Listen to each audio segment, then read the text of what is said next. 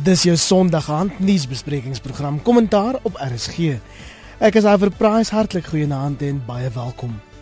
Ons kyk is ouer gewoonte oor die vernaamste nuusgebeure en vanaand doen ons dit met professor Erwin Swela van Universiteit Stellenbosch se skool vir openbare leierskap, Dr Piet Kroukamp van Universiteit van Johannesburg en dan ook die Sunday Times se parlementêre birou of Jan Jan Joubert. Jy is welkom om jou mening oor die sake van die dag direk aan my te tweet by Iver Price. Moenie weggaan nie, net hierna praat ons verder.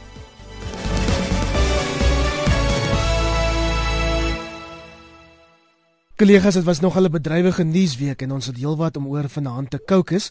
Kom ons begin by die skietdood van Senzo Mahiwa, die kaptein van Bafana Bafana wat omtrent heel week op die voorblad was en hernieude oproepe tot die hersiening van die vuurwapenwet wat daarmee saamgeloop het. Nou Erwin, ek kon nie help om te dink dat ons iewers die pot mis het nie. Ons het tog reeds van die beste vuurwapenwette in die in die wêreld en duidelik help dit nie veel nie. As ons net gekyk het iewers na die groot kwessies rondom die hantering van daai vuurwapen lisensie ehm um, reëlings, kom ons sê die administrasie daarvan.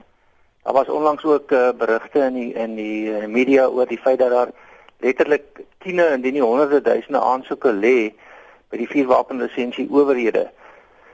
So dit is baie maklik om te sê ons moet nou vuurwapens uh uh die die skuld gee vir hierdie situasie, maar daar's soveel ander dinge wat betrokke is. Die vlakke van geweldsmisdaad, aspekte met betrekking tot uh die polisie en hulle effektiwiteit van die hantering van hierdie goed. So vuurwapens het uit die aard van die saak 'n ernstige kwessie geword en is 'n ernstige kwessie. Ek self is hoegenaamd nie ten gunste van hierdie idee van vuurwapens nie openbaar dra en rondswaai nie, 'n soort macho image nie. Maar terselfdertyd dink ek nie is dit uh, die werklike grondoorsake van die kwessie nie. Ons kan vuurwapens sekerlik nog beter beheer en behoort dit seker ook te doen, maar dit is nie waaroor dit hier gaan nie. Ons het 'n 'n kultuur van geweld, ons het 'n uh, ongelooflike hoë vlakke van van moorddadigheid en ehm um, die hantering van vuurwapens is maar een aspek daarvan. Hoe gouer ons uh, meer ehm um, verdraagsame kultuur, groter ontwikkeling, al hierdie ander samelewingskwessies aanspreek. Dit sal uh, uiteindelik lei tot 'n verbetering in die misdaadsituasie, ook met groter effektiwiteit van die polisie en uiteindelik hopelik ehm um, het ons dan uh, nie die kwessie onder dit te koppel aan vuurwapens nie. Vir my gaan dit 'n bietjie oor prioriteite. Ek ek ek kan verstaan dat daar sê nou maar uh, van tyd tot tyd beter uh, toepassing of beter regulasies moet wees wat vuurwapenbeheer betref.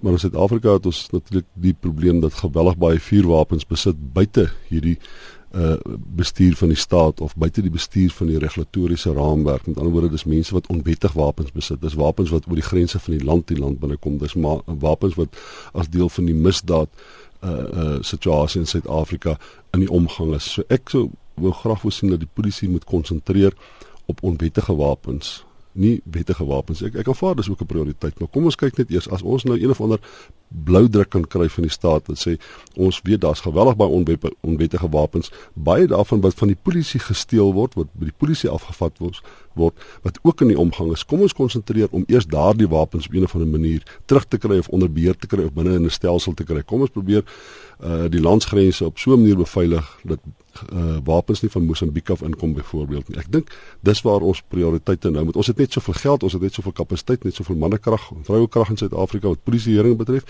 Dis waar ons nou moet fokus en ek dink uh om nou te sê ons moet die na die wapenwet kyk. Dis heeltemal reg, maar ek dink nie dis die prioriteit nou nie. Danny Jordan het onder andere die week gevra dat die wapenwet hernoem word tot die Senzo Mahiwa wapenwet. Hy is dan ook gister langs aan die anti-apartheid joernalis Nat Nakasa te ruste gelê en ek moet sê nogal spoggerige begrafnis. Jan Jan, jou reaksie op die gebeure? Ja, dit is natuurlik 'n tragedie, ehm uh, veral vir sy familie, maar ook vir al die ondersteuners. Ek meen, dit in die familie is 'n verskriklike ding.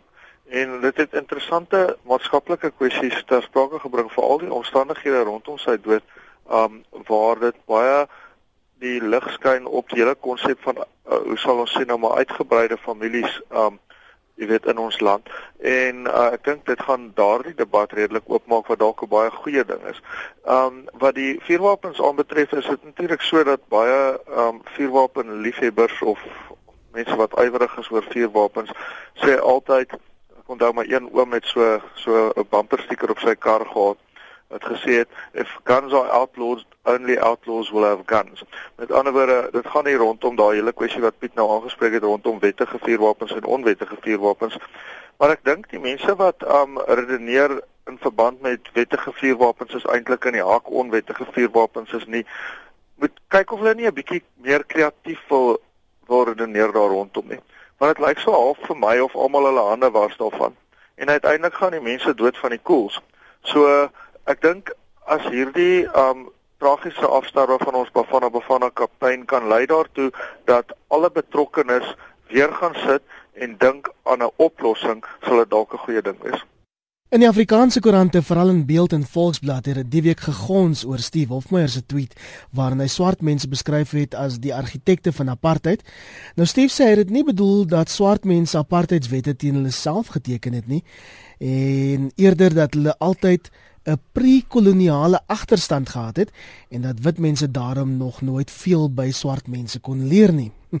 Nou Piet, kom ons begin by jou want die debat was nogal warm hier in die noorde van die land. Is dit naakte rasisme of het die liberales so Steve Hofmeyer dit noem alweer om misverstaan?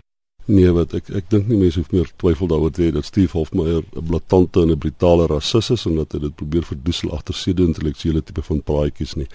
Die belangrike ding vir my is dat mense moet net 'n bietjie begin die groter konteks raak sien en besef dat Steve Hofmeyer het nie werk uit nie politieke mag nie, hy het nie werklike destruktiewe kapasiteit nie. Ek het op 'n stadium in die media hom vergelyk met Julius Malema, maar Julius Malema het 'n destruktiewe kapasiteit. Steve Hofmeyer het nie 'n destruktiewe kapasiteit nie. Eintlik het hy net die verbale vermoë om mense te ontstig en hy ontstig jou vanuit 'n baie baie klein uh, groepie Suid-Afrikaners. Die die regses in Suid-Afrika is baie klein. Front Nasionaal waar ek dink hy omtrent polities tuis hoort, is hier rondom 5000 mense. Die Vryheidsfront het minder as ek dink minder as 12, 13, 14% van totale Afrikaans of die wit stem in Suid-Afrika gekry.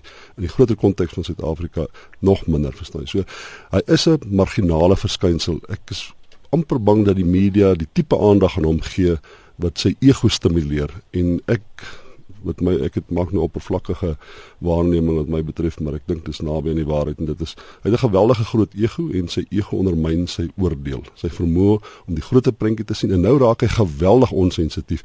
Wat hy dink is hy, hy probeer in 'n poging om sy ondersteuners op 'n of ander manier tevrede te hou sê van die mees onsensitiefste goed in Suid-Afrika met alhoewel hy gee glad nie om watter mate die woorde wat hy uitspreek swart Suid-Afrikaners kwets nie kwets nie. En ek ek ek dink mens moet net om in die groot prentjie sien. Hy is nie 'n belangrike verskynsel in Suid-Afrika nie. Hy is nie 'n politieke verskynsel nie. Hy's 'n popsanger met te veel kinders.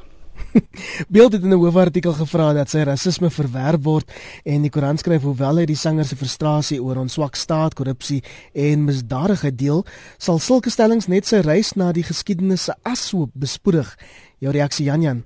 Steve is een van die aangenaamste mense een tot een wat jy kan mee praat, maar wensmens kan met hom oor inkomste aangaan dat ek sal nie in die openbaar sing as hy nie in die openbaar politieke uitsprake maak nie.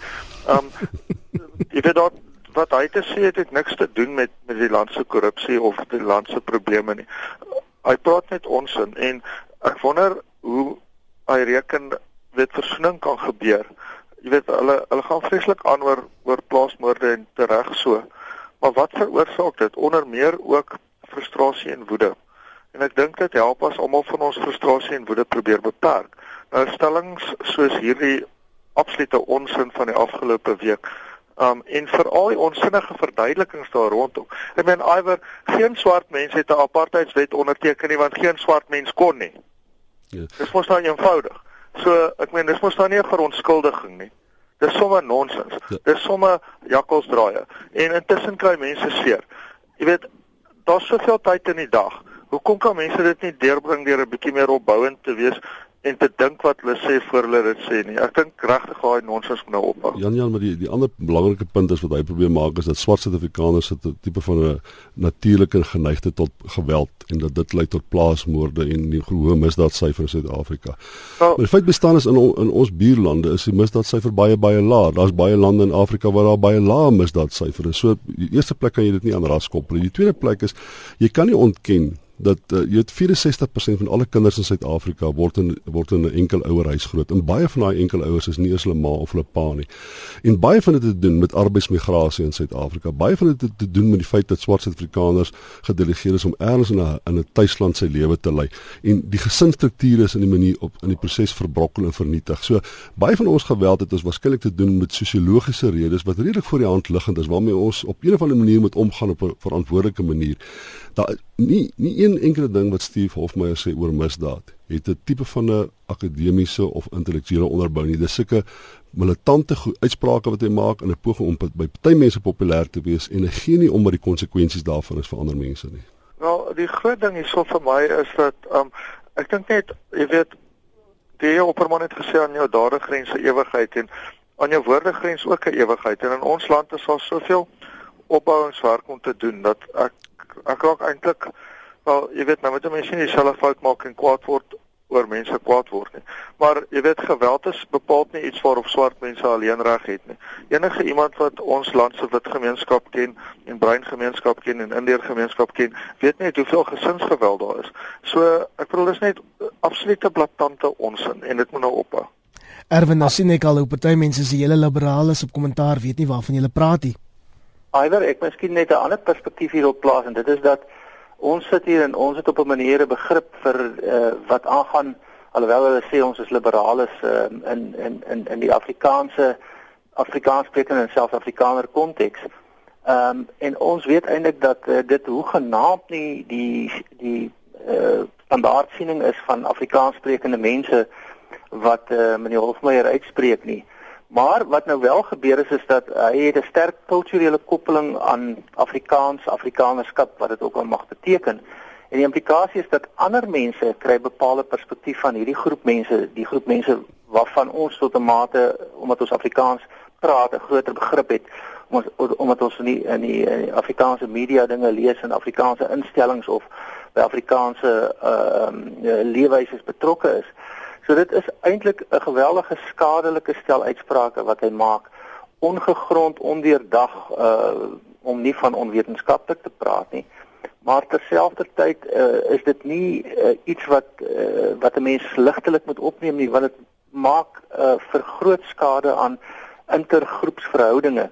Um mense wat weer die begrip van die ander kant af het nie assosieer Uh my byvoorbeeld nou met die soort uitsprake. Um, ek sê dit nou nie dat ek dit persoonlik ervaar het nie, maar uh, so so dit is dis dis ongelooflik skadelik alhoewel hy eintlik niemand verteenwoordig nie.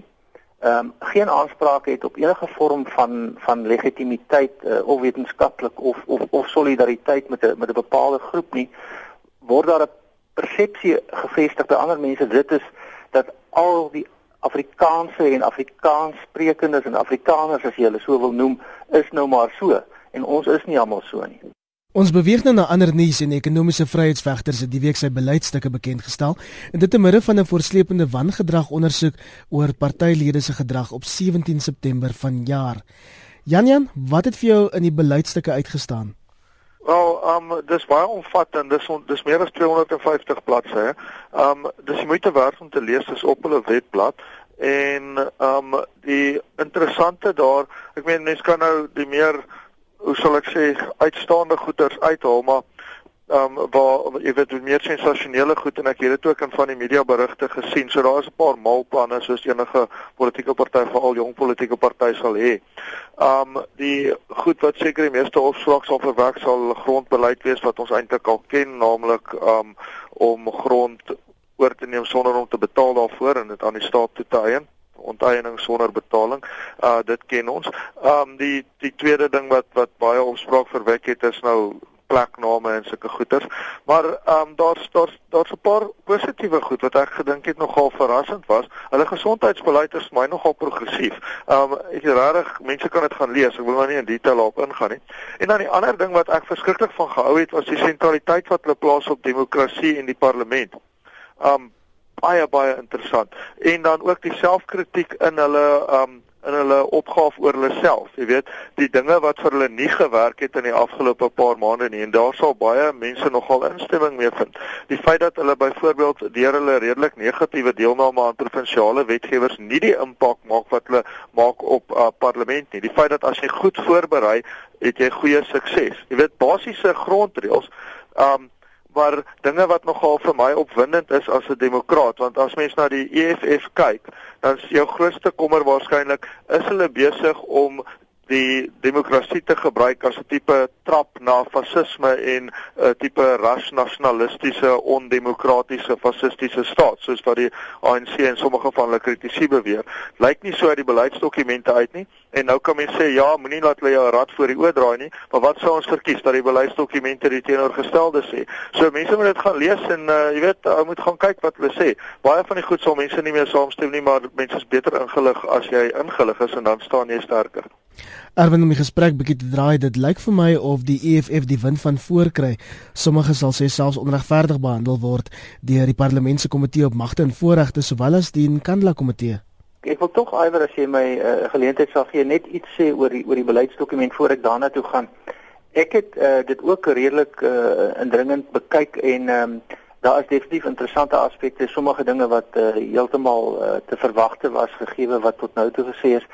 Waarna ek baie ernstig gesoek het in die dokument is waar die kostes van al die beloftes hmm. gekwantifiseer word. Hmm. Dit wil sê op een of ander stadium ehm um, as jy 'n uh, uh, klomp beleidsvoorstelle maak waar jy onder andere uh bepaalde wat finansiële implikasies het, dan moet jy tog seker sê wat gaan dit kos? En dan as jy gesê het wat dit gaan kos, moet jy seker die vraag vra hoe gaan ons dit finansier? Nou die twee aspekte uh kon ek nêrens in die beleidsdokument opspoor nie.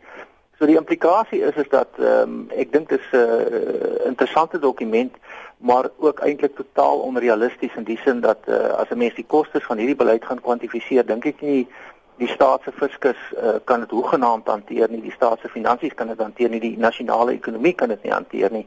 So dit is 'n sekere sin tipies van 'n van 'n droomagtige ehm um, ideologiese ehm um, denkraamwerk wat eintlik nêrens heen kan gaan nie. Behalwe al die ander aspekte dat dit groot uh kwessies gaan hê juis vir die grondwetlike bedeling want jy sal die grondwet op verskeie plekke moet verander.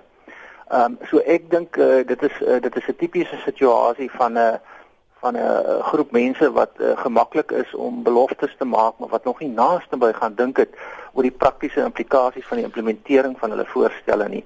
En ons weet mos nou juist dat in Suid-Afrika is selfs die die ander beleidsrigtinge van ander partye problematies met implementering. Ek dink uh, dit gaan nie ver hierdie nie.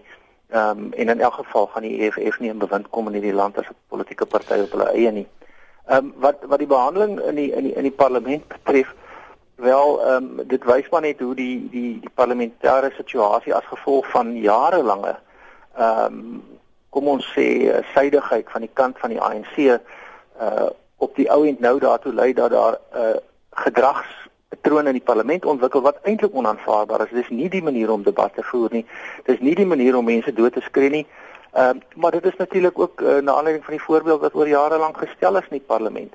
Nou dat dit uh, die ANC raak, uh, is hulle baie ernstig op dit aan te spreek, maar ook ook op 'n manier uh, wat weer eens sê dat hulle is in die beheer, hulle het die mag en hulle sal dit op maniere hanteer soos dit hulle pas.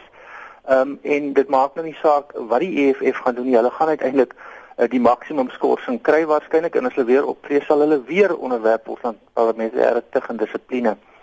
Uiteindelik moet ons teruggaan na die grondoorsaak en te sê om te vra hierdie grondwet, hierdie parlement van ons moet die geleenthede skep vir mense om openlik kan te kan debatteer en die ANC behoort eintlik op te tree as custodians as as ehm um, bewaarders van daai regte maar die ANC misbruik hulle situasie en kry dan uiteindelik wat hulle verdien en dan gaan hulle weer die stelsel probeer manipuleer om dit op 'n manier te hanteer. Ai, wat ek net so 'n bietjie terugkom na die aanvanklike punt, ek stem heeltemal met uh met uh Urban Sound dat uh, dit is inderdaad so dat daar nie 'n kosteberekening gemaak is vir vir die vir die EFF se beleidsdokumente maar ek dink geen politieke party doen dit nie. Nie in jou beleidsdokumente nie is die een ding. Die tweede ding is elke politieke party wat ek ken in Suid-Afrika is uh, maak beloftes waarvoor hy nie 'n finansiële som kan maak nie. Dit is dit is ook met beleidsdokumente. So ek, ek vir my was dit belangrik om te kyk na wat is die is daar ideologiese skuwe in hierdie dokument wat die EFF maak.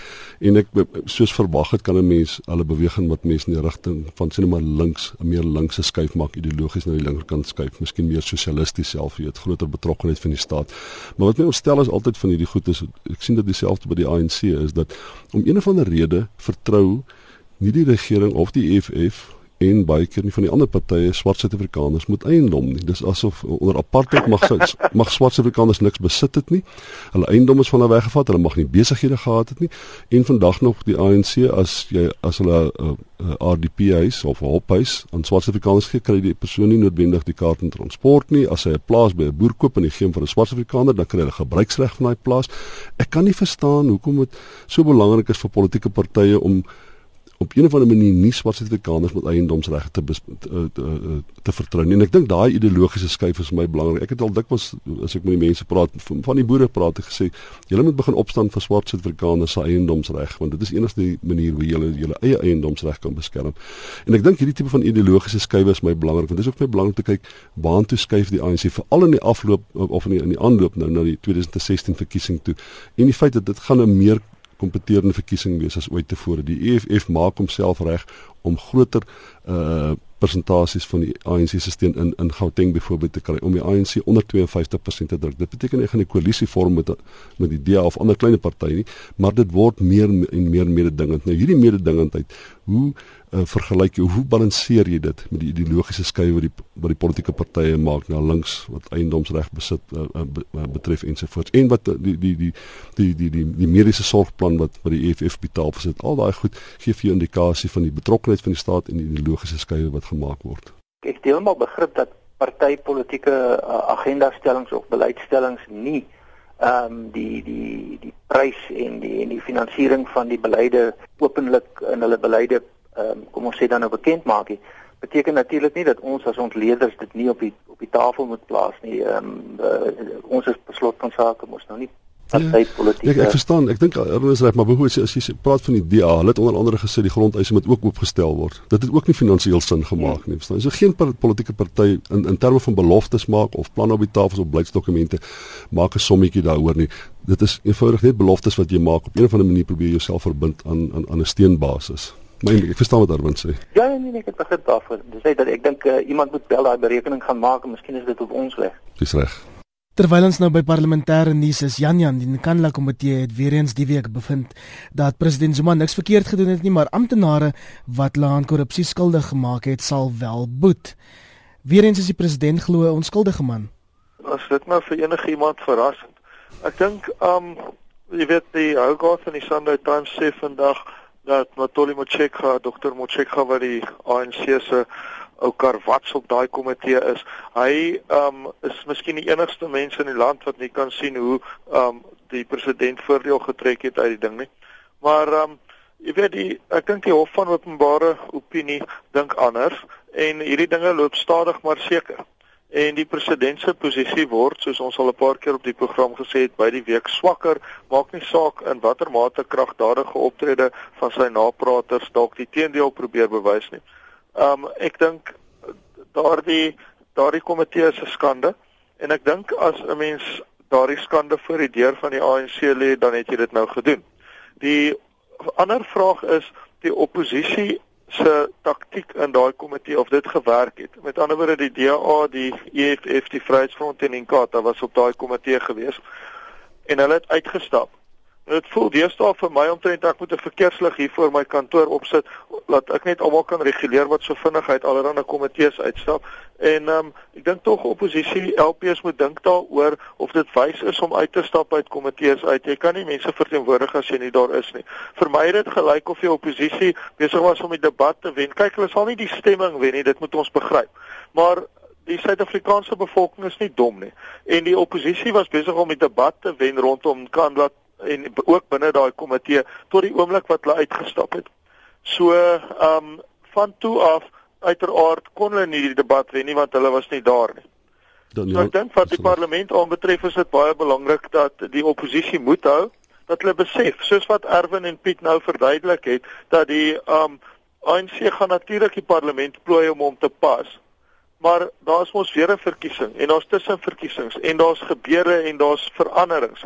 So um die oppositie moet deel wees van die hele debat om 'n invloed daarop te kan hê en moet ophou uitstap uit hierdie goedheid. Uitstap moet gebruik word as 'n strategiese metode. Jy moet nie as jy elke slag uitstap dan maak dit later nie meer sin of jy daar is of maak nie saak of jy daar of buite is nie. Jy moet jy moet uitstap as dit 'n bepaalde voordeel aan jou gee. Jy moet jou nie onttrek in die debat. Ek dink Jan Jan sit sy vinger op die sene wees daar. As jy heeltyd onttrek in die debat, dan neem jy ook daai debat uit die openbare diskurs uit as dit ware. Ek dink wat wat wat Zuma betref, daar's net vir my ander ander verskynsel wat ek dop en ek sal graag wil hoor wat die ander twee manne daaroor sê ek sien die die nasionale vervolgingsgesag het mos nou ruk gelede het hulle reeds vir Jiba wat baie baie naby aan die president was, die vorige waarnemende uh hoof van die vervolgingsgesag. Hulle het nou vir haar, hulle klagtes voor haar deurgelê. Hulle het ook uh, klagtes gelê vir verskeie ander mense soos die voor uh, Mdluli byvoorbeeld. Wat vir my sê binne die nasionale vervolgingsgesag en die die mense wat ek daar praat, lyk dit vir my of dit inderdaad so is. Is daar 'n tipe van 'n momentum besig om op te bou? Hulle kla nie vir Jacob Zuma nie, maar hulle kla die mense aan wat histories baie baie naby aan hom was, wat baie naby met hom geassieer was. En ek wonder of daar nie binne die strukture 'n mens moet daar kyk en jy moet ook kyk miskien in die uitvoerende komitee van die ANC net 'n bietjie probeer 'n idee kry van die momentum daar. Is daar 'n indikasie dat van die mense begin om ernstige vrae te vra met ernstige konsekwensies vir die president. En ek sien reeds van in so in die vervolgingsgesag sien ek dit, maar ek is nie heeltemal my vinger op die pols met die uitvoerende komitee nie. Ek sal baie graag wil weet is iemand ooit ervaring het van wat daar binne aangaan of daar 'n tipe momentum onder ons onthou Paul Masatile het op 'n kollete opgestaan daar en hom sterk uitgespreek teen uh, dinge wat met president geassesseer word. Ek wonder of daar nog ouens binne in daai komitee is wat dieselfde tipe van uh, strekking het in terme van die gesprek wat hulle daar voer. Jy kan seker wees daarvan. Ehm um, want ehm um, maar hulle doen dit agter die hand op die oomblik. Ehm um, kyk, op die oomblik is die president se spinnekop in 'n geweldige groot spinnerak en die spinnerak is besig om om om om om te verdwyn op onder meer die maniere wat jy nou uitgewys het. Maar as jy die Franse sê um, oor reg gaan nie daai daai um, ek het nie daai uitdrukking gebruik nie. Kom ons laat dit. Maar um, kom ons gebruik die spinnekop en die spinnerak. Um, uiteindelik kan 'n spinnekop nie sonder 'n spinnerak oorleef nie. Maar as die spinnekop baie gevaarlik is, dan kan jy nie reguit by die spinnekop uitkom nie. Wat op die oomblik besig is om te gebeur, ten spyte van al die lawaai wat rondom die president gemaak word deur ANC napraters, raak die ruimte om al hoe nouer. Paul Mashatile en die Gautengse ANC se geleide is maar wat jy bo die oppervlak sien. Maar mense hoor dieselfde uit die Oos-Kaap uit en jy hoor dieselfde binne die parlement. Die president is te bang om na die parlement toe te kom. Dis 'n verstommende situasie. So ek dink nie ons moet um val vir die lawaai nie. Ons moet kyk na al die gebeure rondom dit en sê die lawaai raak al hoe meer hysteries van die ruimte raak al hoe kleiner. Erwin Ja, ek wil net uh, eers oor die oor die uh, taktiek van die oppositiepartye. Ek dink die eh, die die heel eerste waarneming wat hulle eintlik maak en uh, hulle strategie daarop baseer is dat hulle wil nie legitimiteit gee aan hierdie komitees nie want dit word in elk geval op 'n manier gemanipuleer dat as hulle bybly of inbly dan uh, dan gee hulle 'n vorm van legitimiteit. Hulle word gesien dat hulle deel was van daai proses. Ek dink dit is 'n bietjie 'n oppervlakkige strategiese siening. Ehm um, ek is geneig om te wil redeneer dat uh, die debat is belangrik. Dit is waarvoor die parlement daar is. As jy as jy elke keer uitloop en dit het my twee kollegas ook al reeds gesê, dan uh, verloor jy die geleentheid om die debat te voer en om nuwe ehm um, perspektiewe op die debat te gee. So ek dink nie dit is noodwendige strategie. Dit behoort 'n finale strategie en opsie te wees. Jy moenie daarmee begin nie. En elke keer wat jy dit doen, raak dit eintlik minder effektief. Die volgende keer wat jy dit doen, het dit nog minder waarde. So ehm um, dit behoort eintlik 'n strategie van die laaste instansie te wees rondom die president is daar definitief besig om om te gebeur wat uh, mense sou kon verwag. Ons weet daar is ook binne die ANC 'n um, uh, ernstige uh, debat en gesprek oor die posisie van die president en die koste wat die president vir die party inhou.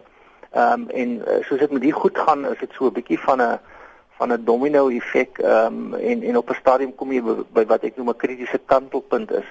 So stadig maar seker ehm um, is die is die skaakspel aan die uitspeel en uh aanvanklik word die pionne uh geteken en later is die biskoppe en en so gaan dit voort.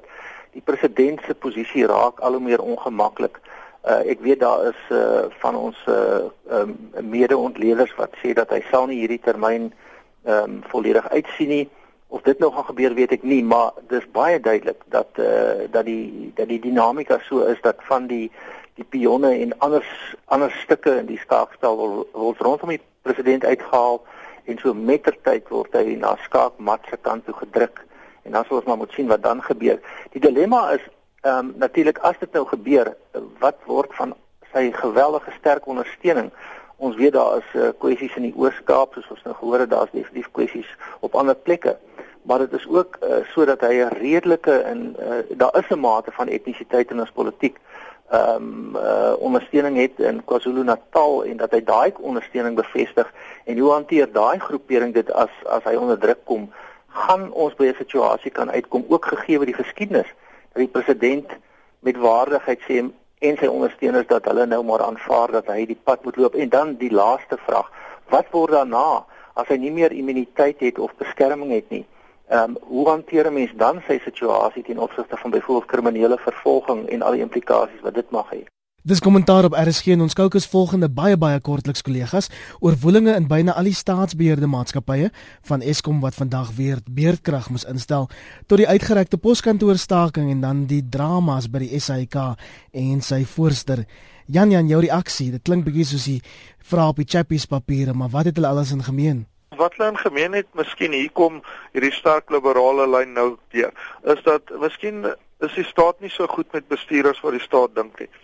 Um dis miskien al wat jy uit hierdie uit hierdie drie dinge kan haal vir my die ander twee manne is baie slimmer maar ehm um, jy weet 'n verband met die maar wat die SAIK betref ehm um, daai ding is besig om om hom uit te speel. Ek dink nie die voorsitter van die SAIK gaan meer lank die voorsitter van die SAIK wees nie. Daar's ook lyne te trek met die president. Sy raak te veel van 'n verleentheid vir die regerende party sien Blyden se man die die minister van hoër onderwys het baie sterk uitgekom nie vir die eerste keer nie in verband met mense wat hulle kwalifikasies vervals.